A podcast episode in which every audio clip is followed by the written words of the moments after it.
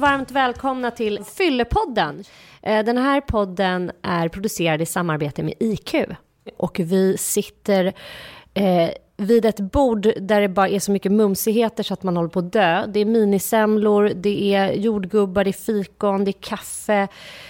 Och det är, det är ett runt rum. Ja, man älskar ju runda rum. Varför gör man det? Jag vet inte, det är någonting med själen tror jag. Som fritt får spela. Exakt, det finns inga hörn att studsa mot.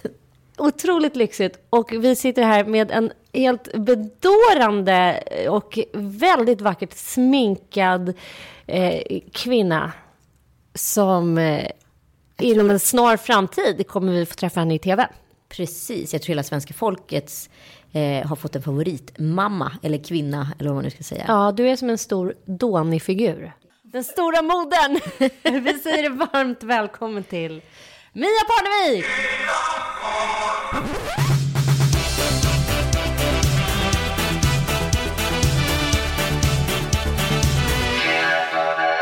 Mia, du har ju blivit helt omåttligt populär. Och som jag sa tidigare, det känns som att du är någon slags här, eh, stor modersfigur som har klivit in och blivit allestädes, eh, vad ska man säga, närvarande mamma för oss alla. Vad gullig du är. Jag vet inte om det riktigt är så, men eh, tack. Och sen så, ja, jag är ju mamma Mia. Så det är kanske inte så konstigt, men nej, men det är väl lite kul att folk tycker att det är, har tittat på programmet och tycker att det är lite roligt att vi är en familj och att man är, mamma är någonting jag identifierar mig med så mycket, så att säga. Och jag är gärna omhändertagande och så. Så det kanske jag har blivit. Men vad, vad tror du liksom är framgångsreceptet här? För det är ju så svårt. Egentligen är ju ni en eh, familj från Österåker utanför Åkersberga. Alltså en småstadsfamilj som har flyttat till USA. Är det det som är grejen eller vad är det som är grejen med er? Varför, vad, ska du säga? Vi, alltså jag, jag vet faktiskt inte vad grejen är eller varför det, det är så... Det är, usch, det är skitsvårt att svara på. Jag tror att det är att vi kanske är väldigt öppna och ärliga med hur vi är. Eh, och vi är ju inte skådisar och vi är inte, har inte hållit på med TV. Och Jesper har varit mycket i TV, men det har ju varit bara med hans idrott så att säga. Så att jag tror att vi kanske i och med att vi spelar in i vårt hus och vi är hemma hos oss och folk kommer hem till oss så blir det ju väldigt ärligt, tror jag. Men hur började liksom hela programidén, tänker jag? För Ja, att det men- måste ju börja med att du har gjort det här tidigare. Nej, det är, alltså programidén kom ju från Karina Berg, för hon var ju hemma hos oss, Berg flyttar in. Ja, Just Och eh, då hade Jesper talat om för mig att jag ska göra det här programmet och hon kommer hem till oss. Vi har väldigt bra kommunikation han och jag. så, så, eh, nej men så då sa jag så här, nej jag tycker absolut inte du ska göra det här. Varför då? Vad ska du med i svensk TV? Du har gjort allting sånt där. Varför ska hon? Nej, oh, det vill inte jag. Jesper bara, men jag pratar med henne och hon verkar så himla schysst, sa han. Så hon kom till oss i lilla Åkersberga, i vårt lilla radhus. Och sa hej. Och då gav Jesper henne fel adress. Först och främst. Så hon var på ett annat hus. Men sen så bara blev det jättebra. Och hon kom till oss och då när hon kom med hela teamet då sa hon så här, nej men vi kan bo hos dig då någon natt. Och sen så kan vi ta in på hotell och så gör vi allt annat senare. Då sa vi, nej absolut inte. Hon bara, nej men ljud och ljus och alla de bor någon annanstans. Och då sa vi, nej absolut inte. Så funkar inte vi. Ni bor alla hos oss. Och så skulle de bara vara där i några dagar, men det slutade med att de var där i en vecka. Och vi hade skitkul. Hela gänget liksom och käkade och hade trevligt. så så började det. Och då var det lite där. Och då sa väl hon att vi skulle börja ha något slags program. Tyckte hon. För det här var ju jättekonstigt och roligt och allt vad det var.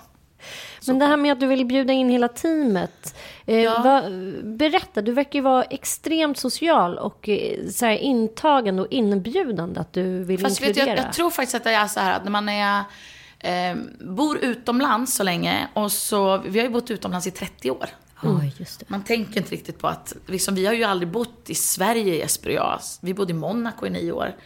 Ehm, vi har ju liksom inte bott i Sverige på jätte- jättelänge, sen vi var barn. Och då blir det väldigt viktigt att när ens släkt och familj och vänner kommer att, att ta in alla liksom. Och det så blir en sån här självklar vardag tror jag. Och då blir det så här, men då måste vi umgås så mycket vi kan. Jag tror det är någon sån där grej vi har.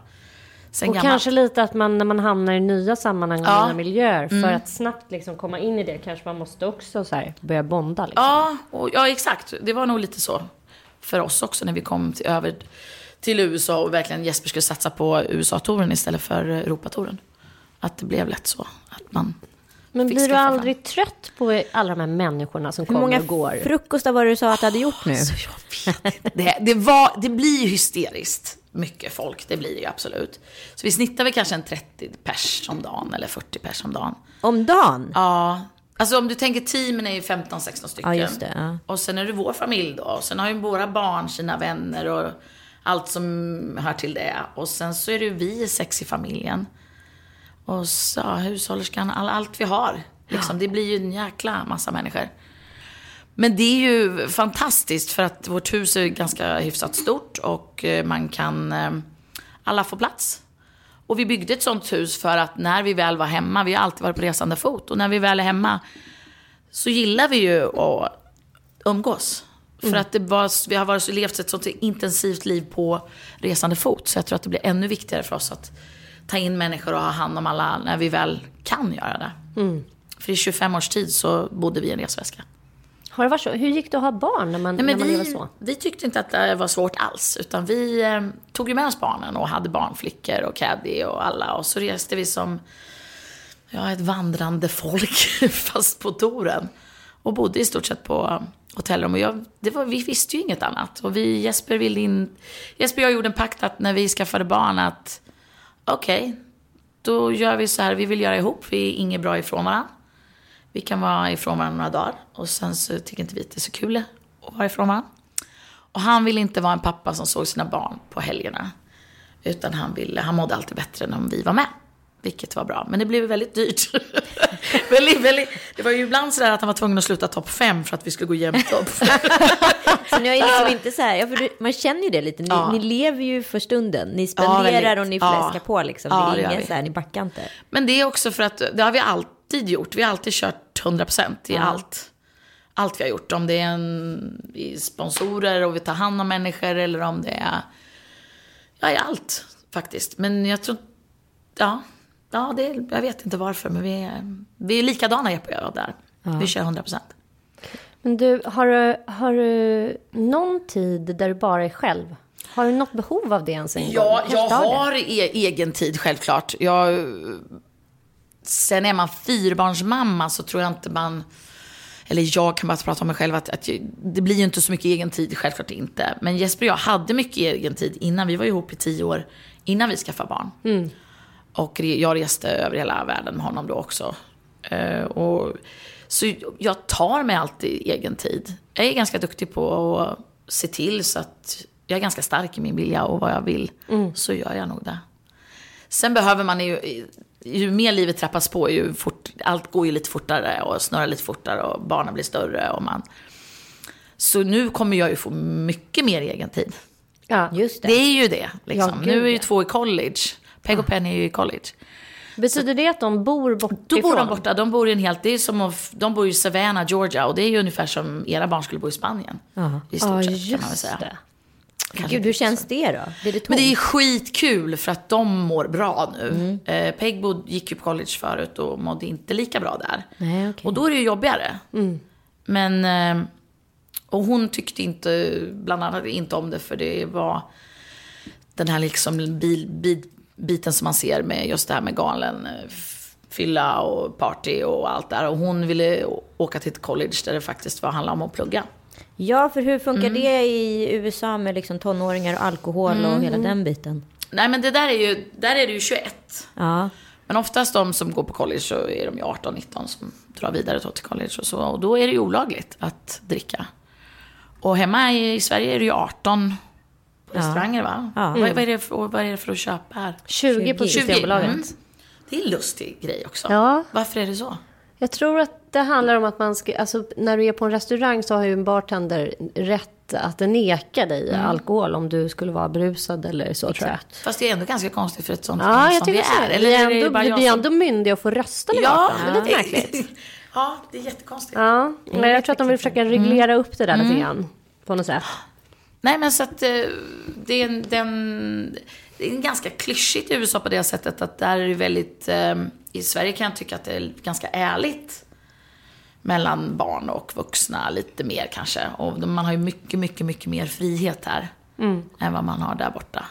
Är det så? Ja, för att vi har ju, om man inte har tillgång till bil, om du inte bor i, i alltså om du inte bor i Chicago eller New York eller om du bor i stora städer naturligtvis. Men andra städer är ju beroende hela tiden på av bil. Det är ju ett bilsamhälle. Så att vi har ju som föräldrar, eller i alla fall jag kan bara prata för mig själv, men då har man ju mycket mer koll på körning, hämtning, vem är de hos, vart ska de? Just det. Eh, det blir ju en helt annan, och där är det ju också väldigt eh, de kan ju stämma en ganska friskt om ett barn skulle vara på en fest eller det ena andra, för då är man ju ansvarig som Vårdnadshavare. Om vi är hemma hos dig, Sanna, så, Mm. och barnen ska vara där, så blir du ansvarig. Och de föräldrarna, de barnen till de föräldrarna som är där, skulle ju kunna du- stämma dig. Om Är det de, hade, sant? om, de har förtärat alkohol hemma hos dig. Så det går ju inte. Men, Och speciellt Men- inte om du är en officiell eller ja, Nej, det person. skulle ju kunna bli en Det total inte. katastrof. Ja. Men jag tänkte på det, jag, var, jag scannade igenom massor med program igår. Det var ju gjorde du? superhärliga. Ja, jag såg det här ehm, programmet med Thomas Ravelli och hans tvillingbror. Jättefint program. Mm. Ja. Men eh, jag kunde ändå inte undgå att notera att det dracks en del alkohol. Ja, vi dricker alkohol. Och vilket inte, alltså jag ska inte säga att det är någonting som sticker ut. Nej, det nej, gör nej, det ju nej. generellt i Nej, alla nej, de här. Men programmen. vi, vi, nej jag tar det inte alls så. Ehm, Jesper har ju i stort sett hela sitt liv, eller vi har i hela vårt liv i 20 år, inte druckit alkohol. Utan bara kanske en månad på året druckit alkohol. Och det har varit mellan sista november till första januari. Och även då tyckte Jesper inte om att dricka alkohol. Varför är det för, För att då han, han spelade ju på elit, alltså på världsnivå, han var ju topp sju i världen. ja, då kan man Och inte... eh, alkohol var aldrig något del av oss. Och vi hade väldigt små barn. Och då var det väldigt koncentrerat. Midsommar. Eh, ja, visst, självklart nubbe, allting. Eh, och, men då blir, det blir förhå- förhållningssättet till alkohol blir ju... Hela den tiden, mm, han tänkte inte ens att han, miss, att han saknar missa, nu pratar jag svengelska också. Att han saknar alkohol, eller inte jag heller. Det var ingen... Sen har man nyårsfest och man har midsommarfest. Och det var väldigt få tillfällen. Och så som vi kan eh, dricka vin nu, har ju han aldrig, har ju aldrig hänt förut. Så, men det är ju fortfarande att eh, det är till maten. Liksom. Och det är ingen, vi dricker, in, vi dricker inte sprit heller. Jag vet inte om det är någonting man gör mer, om det är mer svenskt kanske. Jag, eller cocktails och sånt där dricker man blues också. Men vi är ganska mycket, vi älskar vin. Ja. Gör vi. Men ni är också ganska så här, bra vinkonsumenter, ni köper bra Ja, viner. vi köper mycket viner. Men det är inte till oss själva utan det är till alla andra som kommer och hälsa på. Faktiskt. Eh, Men kan det vara så också att när man lever i ett bilcentrerat samhälle Ja. också, att man kanske inte kan dricka lika mycket heller? Nej, man, men det är väl mer så att då, precis som allt annat vi gör, när vi har, har gäster och sådär, och eh, även under inspelningarna så var det faktiskt inte en enda gång någon Mm. har blivit onykter. jag tänkte faktiskt Nej. fråga det, så här, Jag var det någon som det. inte kunde Nej. hantera det? Nej. Nej. Och det blir ju mer för att vi kanske inte, alltså vi, efter man stänger av, visst dricker man några glas till liksom. Skulle Mm. vi förutom att Anita Schulman då. Jag skojar, jag skojar. nej jag skojar bara. Nej men nej, inte alls. Utan det är jag vet inte ens, vi, bara om vi tänker på när ni var där nu, du och Kalle och Penny och Ja, men jag dem. tror middagen avrundades vid tio och sen så gick vi alla och la så ja, det var vet, det liksom inte... Men jag tror att det kan synas lite i bild. Mycket, ja, det är mycket tjo och tjim. Och det är mycket tjo och tjim. Men det är samma...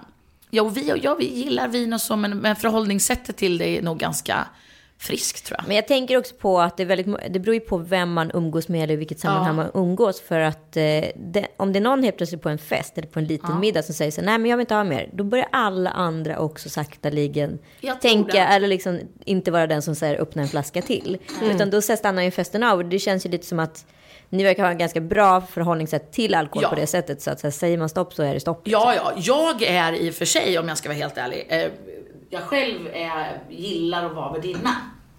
Och eh, öppnar gärna en flaska till. För jag hatar, och det skulle vara med kaffet också, nu ser ni vad jag har beställt upp här, men jag gillar att bulla upp. Så att om det är slut på bordet, då tar jag fram. Och då behöver inte någon annan dricka eller göra eller äta av det som är. Men jag har en sån här liten eh, grej. Och det jobbiga är ju En man liten feeder-grej. Ja, feeder. Jag har några vänner som faktiskt kallar mig the feeder. Så att, det stämmer Salla. Jag vet inte. Men ja. hur är det i golfvärlden då? Det känns ju ändå som att det så här, Ja. kan vara ganska stökiga fester mellan torerna och sådär. Nej, men det är inte det. Det är inte det? Nej. Det var, jag reagerade faktiskt när vi pratade om det du och jag förut, att det är inte så. Jag det tror att det är den här filmen med Kevin Costner som har ställt till Ja. det. När han, eller hur? ja. Cup. Ja, jo, jag kan säga så här att caddisarna, det är ju ett ganska hårt liv de lever. Eh, De bor ju inte på så fina hotell som vi gör, de har ju inte, tjänar ju inte lika mycket pengar. Den världen, och jag tror förr i golfvärlden så var, eller jag vet förr i golfvärlden, och då menar jag 35-40 år sedan, Ja. eh, var det ju mycket eh, festa, absolut. Men sen det, när vi kom ut, eller vi, Jesper kom ut, säger vi gärna när han vinner, men sen annars är han. Han förlorade han. nej men, han, eh, nej, men då, då var det ju svenskarna faktiskt, och det är ganska intressant, för svenskarna, när de kom ut så började de träna, hade med fys och gjorde alla sådana saker. Så att, eh, eh, det var de som startade det här med att träna fys för golfarna. Innan har det varit en sån sport där man rökte och drack och så. Ja, just det. Men inte de senaste 30 åren. Faktiskt. Ja, men jag kan tänka mig att det kan inte vara roligt att komma och vara lite bakis och shaker på Det handen och sen ska man Det går putta. inte. Det går inte. Det kan ju inte Men det gå är bra. väl lite sådär som med alla idrottsmän. Jag tror att när alla idrottsmän och kvinnor, när de får vara lediga, när det är ledigt, då kan de nog gärna festa till. Men det är så, för det är så få gånger. Och sen kanske livet efteråt. Alltså Ja, man har haft man- en absolut, karriär och sen bara, absolut, vad- den här tomheten som För de- uppstår. Och, Ja, för de, de växte ju inte upp som oss andra, att man hade tonåren och man gjorde kanske lite bus och man, de drack ju aldrig då. De hade ju inte, tänkte på det här med Björn Ferry som var gäst tillsammans Just med. Anita. Och Kalle var ju, ju jätteintressant. Jag menar, de, de är ju så här i- ens, det är ju bara one way. Det är ju sånt extremt fokus. extremt fokus. Jag menar, de går ju från familjen och kanske bor du vet, på ett eget hotell för de kan inte bli förkyld. Då, kan, då skulle de ju aldrig sätta i sig något som påverkade kroppen. Det går ju Nej, i och med att det ju är liksom Nej. hela apparaturen Ja. för att bli, tjäna pengar också. Ja, ja exakt. Det ju... Exakt. Men eh, jag träffade, eller jag pratade med Jonas Olsson som är fotbollsspelare bland annat i landslaget och West Bromwich. Och i fotbollskulturen så är det ju lite andra alkoholpolicys och regler. Man kan gärna ta ett par pints efter match och sådär. Eh, men det han sa också var ju att det var väldigt vanligt att i och med att man har levt precis som vi pratade om Björn Ferry eller Jesper. Att när, när det väl är slut, då har man inga så här förhållningssätt i och med att man har jobbat så extremt fokuserat med sig själv under så lång tid, kanske sedan man är 15 till och med. Eh, då är det väldigt många som trillar dit efteråt. Ja, det kan jag förstå. Jag kan förstå det, men där lever ju jag med en träningsnarkoman. Just det. som heter Jesper. Och han, han är ju, jag vet inte vad det är med honom, men han är ju, alltså han kan ju gå upp dagen efter, om vi har druckit vin en kväll innan så. Och, och till och med något glas för mycket. Och då, det, finns inte honom att han inte går upp och tränar fys och kör liksom alla de här andra sakerna. Där en annan skulle gärna ligga kvar en timma till och, och gärna ta en hamburgare och liksom hela den där grejen. Det finns inte i hans värld. Vilket jag är jättestolt över. För det har ju satt ett exempel i våra barn. Att så gör man inte. Nej, just det. Nej. Morsan kanske, men nej jag ska nej, nej då, men nej, nej men nej, det finns liksom inte hans värld. Jag önskar att jag hade, eller jag ska försöka få lite mer av hans eh, Tränings- tränings alltså, alltså den här, där han brinner, alltså han går upp och sjunger på morgonen. Sjukt irriterande. När man själv vill bara ligga i sängen och läsa en bok till, då går han upp och kör dubbla pass. Det är fantastiskt, men ändå inte. Men du, vi har några obligatoriska frågor här i Fyllpodden. Eh, kan du berätta om ditt värsta fylleminne då? Det kommer jag inte ihåg. Säger man inte så? Så pass. Så pass. Nej, men oh. ja, Jag är mer sådär att när man var ung, att man faktiskt kanske gjorde, alltså tog sådana beslut som att, jag kommer ihåg jag och en tjejkompis, min bästis Anneli, alltså jag tror vi liftade hem en gång. Det är sådana grejer som jag tänker, helskotta, mina barn får inte lyssna på den här podden. Eh, nej men alltså, nej men på riktigt, alltså, så, det är sånt där, det kunde ha gått åt helskotta när man gör sådana saker. Men jag tänker på det också, vår generation har ju Ja. tagit väldigt mycket mer, större risker med vår tidigare konsumtion än vad liksom den här generationen som växer upp nu Ja. fattar att man inte lyfter exempelvis. Men man lyfter Mm, inte. nej. Och jag skäms fortfarande, nu bara jag säger det så skäms jag ju. Den är inte så rolig. Men det känns kanske också som att vi lever, och framförallt levde vi i ett Mm. land som var f- väldigt förskonat från eh, Ja, det vissa var ju det typer av då. brott. Ja. Liksom. Det var ju det då. Ja. Och det känns lite sorgligt faktiskt. Att konstatera Mm. att man skulle tycka att det var helt sinnessjukt att lyfta. För ja. min dotter som är 14, Ja. jag skulle vara så här, är du galen? Galen, ja. Och när jag själv, jag lyftade i stort sett även när jag då inte hade inmundigat alkohol. Ja, det gjorde jag hela tiden. det? Till och från stallet och, ja gud. Men det var inget knäppt Jag av mig då, lyftade ner alltså. till Mallorca när jag var 17. Då hade jag min kille med mig i och för sig. Jo, fast ändå. Vad fasen. Ja, men vi, det tyckte vi bara var helt Det är rim, normalt, rimligt. liksom. Och så här, nej, men det gör vi. Ja, fan. Men har du någon gång eh, befunnit dig vid någon eh, läge i livet där du har känt så här, nej men nu, nu dricker jag på ett osunt sätt här. Liksom kanske Ehm, vid någon kris eller... Ja, nej, men jag mer Sorg. sådär att man... Eh, vi har ju väldigt många goda vänner som har, har haft eh, både drogproblem och alkoholproblem. Och eh, de är fortfarande del av vårt liv än idag och är med vid alla jul och nyår och alla sådana saker. Men när man känner att det kanske blir lite för intensivt ehm, men somrarna blir ju ganska mycket, alltså det blir mycket när vi kommer hem kan jag känna. Att det blir mycket, det är inte mycket alltså. Det beror på ju vilken... Vad man jämför Nej, men, med. Vad man jämför med. Men jag tycker att det blir massa dagar i rad under somrarna speciellt kan jag tycka. Och då tycker jag att det är skönt att få vardag igen och, och inte ha det. Det blir ju väldigt mycket för att vi är en väldigt stor familj och till mat. Inte att det dricks speciellt mycket varje gång. Kanske, det gör det ju också, men in, inte... Men det känner väl alla efter Ja, sommar och alltså, jul. Sommaren och alla grillar och det är grillpartyn man blir bjuden till. Gud vet vad, alla ens vänner. Och det är ju fantastiskt. Mm. Det är skitkul, men det blir ju Mycket. mycket. Men jag, jag är inte sån som, även om vi har haft mycket och så, som jag skulle aldrig ta. Min pappa eh, var, eh, hade alkoholproblem. Han var periodare. Eh, blev det ganska sent i livet. Eh, hans pappa dog när han var 17 och mm, farmor dog när jag var, vad var jag, 17, 18. Sen, och han har inga syskon och så. Och då kom han i en dipp där han började dricka ganska kraftigt. Det här är faktiskt inget som jag har pratat om. Nej. Men det är inget... Det är inget Lever han idag? Ja, pappa lever. Ja. Men han är ju nykter eh, sen över 20, vad är det, fem år? 25-26 år. Men vad hände där då? Hur, Nej men han åkte, han var, han gick ju ner sig totalt. Han tyckte ju att han hade ingen släkt kvar i livet. Förutom oss och mamma och sådär. Men då, då gick det över. Till att han började dricka flera dagar. Och jag var inte hemma då. Jag var i USA. Bland annat som barnflicka.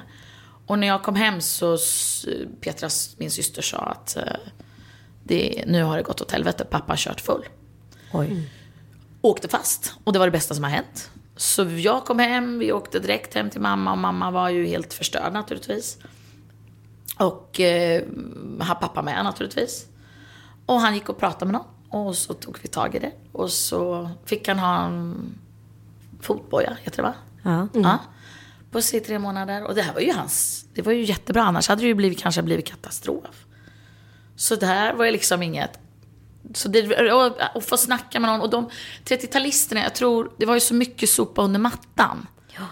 Ehm, så mamma, även om hon är från en av tio syskon, vi har pratat väldigt mycket i vår familj, men de gjorde ju inte det som barn.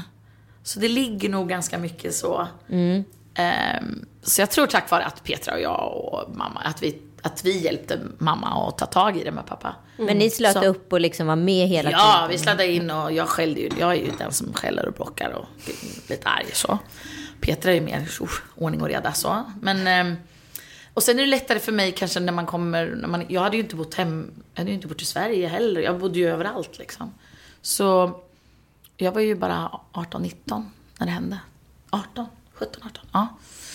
Så då, eh, ja, men det, det styrdes upp väldigt fort. Så jag har inte haft den känslan. Du har inte varit drabbad på Nej, det sättet? vet- liksom? nej faktiskt Nej. inte. Så att eh, jag har nog varit förskonad i det. Men eh, jag har ju varit med om det. Och jag tror att det var räddningen att vi liksom... Det var, okej, mamma kommer inte vara kvar med dig. Det här kommer inte hända liksom. Vi tar bort mamma från dig. Just- Alltså vi var ganska starka i vår så approach. Och han har aldrig trillat tillbaka. Otroligt. Det är otroligt. Fantastiskt. Och han är typ bartender. Liksom när vi har fest eller om det är någonting så, eller om det är på sommaren, om det är någon bröllop eller någon dop eller vad det än är. Men han har aldrig Han- saknat han, det? Nej, han aldrig, nej, men han vet ju att om, han tror ju, för han tycker ju det var, han tror att han tyckte det var väldigt gott liksom. Ja. Men det, han blev ju, han har alltid varit en idrottsman också, så han, jag tror han tyckte det var ganska skönt att slippa det. Jag tror att det var mer en sån här, ja jag tror det var mer en social grej faktiskt från den Mm. Grupptryck nästan, från den tiden så att säga. Men jag kan tänka mig, men framförallt liksom, född på 30-talet och det, det, man ska kunna dricka som en karl Ja. och alla de här uttrycken liksom, mycket att det hör sprit. till och Ja. mycket det här med grogg, Mm, grogg. Och, ja, och snapsar till höger Absolut. och vänster. Alltså Mycket en- en- identitet i Ja, alkohol. det var mycket Ja. identitet i alkohol, Och absolut. mycket så här vuxenblivande. Ja. Att liksom, ja, så jag man tror att pappa tyckte nog det var ganska, han, han saknar inte alls det. Han dricker liksom alkoholfri öl eller bubbelvatten liksom. Det är inte så konstigt än så. Han är lika kul ändå. Men har du, har du någon gång råkat ut för i, vuxen, i ditt vuxenliv att du har haft en vän eller någon annan som har stått dig nära som du har sett så här, men gud nu börjar det liksom braka ut för här. Ja, det har vi. Vi har haft många sådana, absolut. Eller många sådana. Många sådana Jo, vänner. men det är vanligt. Jo, så det har vi absolut. Ehm, och, men det har gått bra för dem. De har liksom ehm, tagit hjälp och det är väl det som är viktigt. Och sen tror jag inte att vad man än säger, det är väl som vem som helst när Jeppe säger till mig att nu måste du träna. Och nu måste du, kom igen nu, tänk på hjärtat och tänk på det här och så här. Inte förrän man själv kommer fram till det så är det väl, kommer någon göra någonting åt det. Sen kan man väl hjälpa till så gott man kan. Men jag, jag tror ändå att om man inte själv vill och inte tar det beslutet så tror inte jag att det går.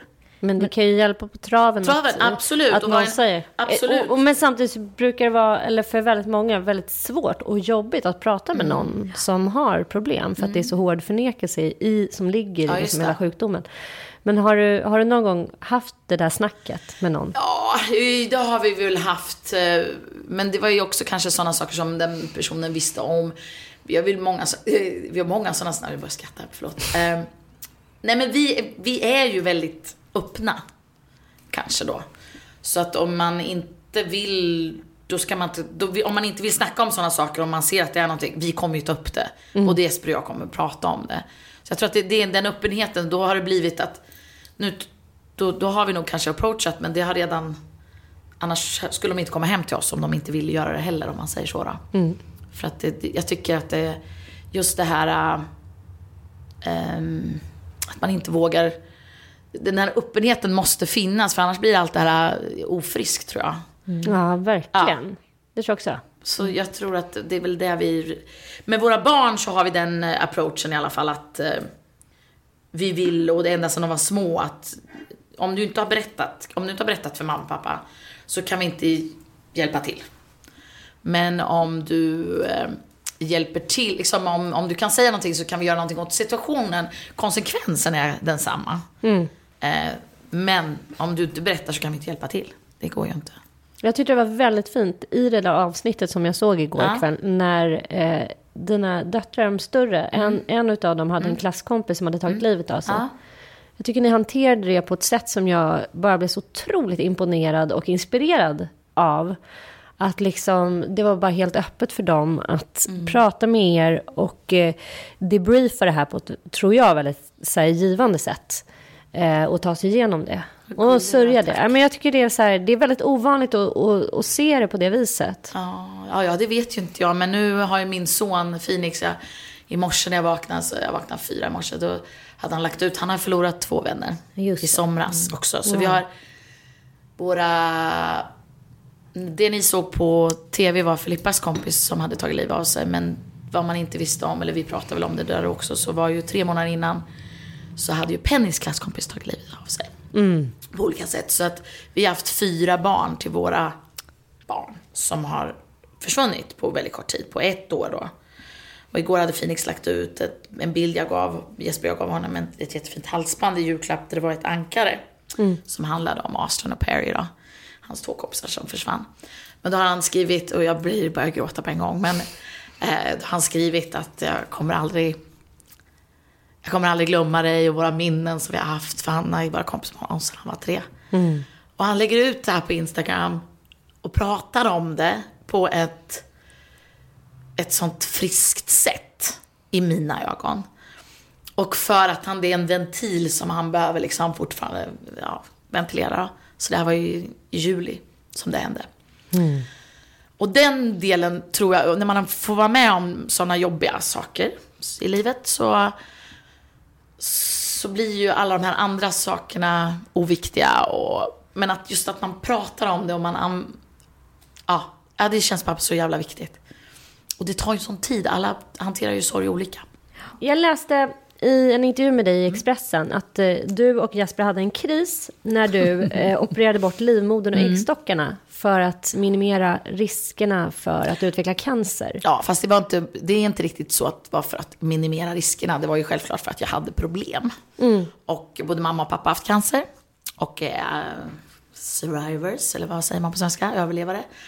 Eh, och för att jag hade massa tumörer helt enkelt. Och massa saker som påverkade dem, och både det ena och det andra. Och har haft problem med det hela tiden. Och har även det nu. nu inte nu i underlivet, men jag, jag, det är ju en sån här grej då att då sa min läkare att det enda sättet är vi måste ta bort det här. För det kommer hända när som helst om du inte gör det. Och då blev man ju, hamnar man ju i klim- klimakteriet på en dag. Ah. Och ingen vet ju hur man blir. Jag blev en psycho bitch helt enkelt. Och jag blev en personlighetsförändrad och, och kände inte igen mig själv. Och kris i sig, det är ju, kris kan man väl alla ha, men det blir, det blir så laddat ord. Jag tycker inte att det, det var ingen kris så att man ja, jag trodde inte att han skulle lämna mig, eller jag vill inte lämna honom. Det var ingen sån kris. Det var mer en, en kris på hur i helskotta ska vi stå ut, ska, hur ska vi stå ut med varandra, men hur ska vi lösa det? Så att jag mår bättre. Och i det här, när jag fick den, så hade Jesper även opererat sig. Så att det var, vi var två kollin liksom. Ja, just det. Han hade, Ja, det han hade hänt fixat någonting med höften då. Och rygg. Och så, alltså, det var liksom så här. Men då trollade vi dit en gammal barnflicka, Celie, som sparre, som faktiskt, jag, jag säger att hon, alla ska ha en Celie sparre i sitt liv. Hon, ja, men hon har en sån här energi som gör att alla, men alla blir kära i henne. Och hon tog hand om oss när vi... Men alltså, du vet, man ligger i säng, han ligger med en apparat och liksom... Och, men du vet, man är, är sitt värsta. Och när man inte känner igen sig själv och man är som svagast och då har någon som är kärleksfull mot sens barn, för vi har inte mamma och pappa och släktingarna där, vi har ingen nära, nära där. Och då har någon som kommer in i familjen och bara styr upp och gör så att det blir så mycket mer hållbart, så att enkelt. Bara liksom få vanliga, varken han eller jag kunde köra bil. Och vi hade fyra barn som skulle Hämtas åka till skolan lämnas. och hämtas och lämnas på alla aktiviteter och allt som var. Wow. En av dem pegkörde nog då, men eh, ja. Så det var ganska tufft. Det låter som att det var mycket liksom, under den perioden. Ja, det var fruktansvärt mycket. Men i det nu, som allt annat som jag tycker att man ska försöka i alla fall, om man kan, är väl att vad man lär sig är ju att Shit, jag, jag tyckte jag fick mer empati. För jag hade ingen empati för människor som, som inte tyckte att livet var toppen. Faktiskt. Jag levde ju då med en man som var elitidrottare, eller är elitidrottare och ehm, som du vet, om han klagar på någonting då tyckte jag, men bit för fan ihop, skärp dig nu. Idag skiner solen. Han bara, men jag, inte, jag vann inte. Ja men du vet. Så, så kunde jag liksom, jag, jag, kunde, jag har ingen relation till det där. Jag tyckte alltid att finns alltid någonting man ska vara glad åt. Eh, men eh, det tyckte jag inte då när jag hamnade där. Nej. I min svettattack, kan man väl säga. Men det var bra, man lärde sig. Jag fick empati. Ödmjukhet. Mm. Men när man lever ett sånt så här, vad ska jag kalla det för, flamboyant liv Mm. som ni ändå verkar göra. Eh, är det lätt liksom att bli fartblind? Och man kanske jämför sig med människor på samma nivå eller runt omkring en eller som har mer. Fast vi har aldrig gjort, alltså vi, om, jo det kan man ju, men, på, på vilket sätt menar du? Nej, men mer inte. liksom alltså, allt från Saker och saker grejer. kostnader, alkohol, Ja, allting. Fast sådana har vi alltid varit Jeppe och jag. Alltså även när jag var singel och bodde i Örebro, mitt tjejgäng, så, så kanske jag fixade spagetti och köttfärssås till 30. Alltså sån har jag alltid varit. Men det kanske man har gjort det med väldigt små medel. Jag tycker ju att pengar och eh, göra sådana saker är ju ett, eh, vad säger man, eh, medel att, att ha mer kul med mer människor. Ja. kan man säga så? Ja, verkligen. Ja, men för mig är det liksom att tjäna pengar, det är för att vi ska kunna ta med 30 på semester och kanske bjucka på allting. Och, alltså det är det som är roligt. Det är ju inte egentligen båten eller huset. Ja, huset är ju för att då kan vi mer få plats. Men så har vi alltid tänkt. Och jag tror att det där kommer lite från Jespers föräldrar. För de hade teatrar och stora sådana här, och de har levt i den här hela den här uppsättningen med att ha en stor familj och de har alltid varit väldigt, väldigt givmilda och tagit hand om väldigt många. Och, och ja, jag tror vi bara lärt oss ännu mer av dem så. Så jag vet inte. Jag tror att det är det som är så otroligt inspirerande. För jag, jag tycker jag ser en brist av den inställningen i dagens samhälle. Att vi blir mer och mer så individualister och vi blir lite mm. giriga. Man vill ha liksom för sig själv och sådär. Ja. Och jag, jag, tror, för att återgå till den ja. röda tråden, ja, storheten i det här programmet. Att det är er generositet och er så kärlek till människor som gör att vi älskar att se er så mycket. Verkligen. Ja, plus att ni är väldigt inspirerande som exempelvis på er julafton så var det 50 pers hemma och det var inte bara släkt nej, nej. utan det var ju vänner. Att mm. ni så här, använder extended mm. family mm. på det sättet att. Återigen kommer det ja. till att man bor utomlands tror jag. Att man liksom skapar sina egna familjer. Och, men det är någonting jag vill säga då när vi sitter så här med tjejer. Det är någonting som jag skulle vilja att alla bara... Jag tycker tjejer kan vara så här riktigt dåliga. Vi ändå lever 2016.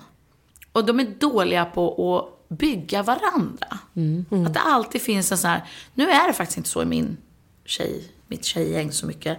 Men även man själv, att man inte, man hela tiden, istället för att om vi tjejer som är så starka och vi är så, det är så mycket feminister nu och vi är så mycket så här. Men det var hela bristen på är att vi bygger på fel sätt tycker jag. Jag tycker inte vi ser varandra man ska ju bygga varandra ordentligt. Liksom. På riktigt. Och inte se varandra som konkurrenter. Nej, precis. Jag tror, jag. Ja. jag tror vi fostras till det lite Ja, och varför är, varför är det så? Och jag det är patriarkatet. Tror jag. De bara, ni ska konkurrera med varandra så att det inte blir till ett gemensamt hot. Men det fattar inte jag. Jag, jag förstår inte det. Och Helt det är riktigt. Ja, för jag tycker det ska vara tvärtom. Bra. Jag håller med. Ja. Mm. Tack snälla Mia för att Det här var du djupt. Kom. Det var gråt, allt möjligt. Ja, det var jättekul att sitta och prata med Och är man intresserad av sina egna alkoholvanor eller kanske ja. andras, då kan man gå in på iq.se eh, och läsa mera. Eller så kan man göra alkoholprofilen på eh, iq.se också. Tack snälla för att ni lyssnade. Vi hörs om två veckor.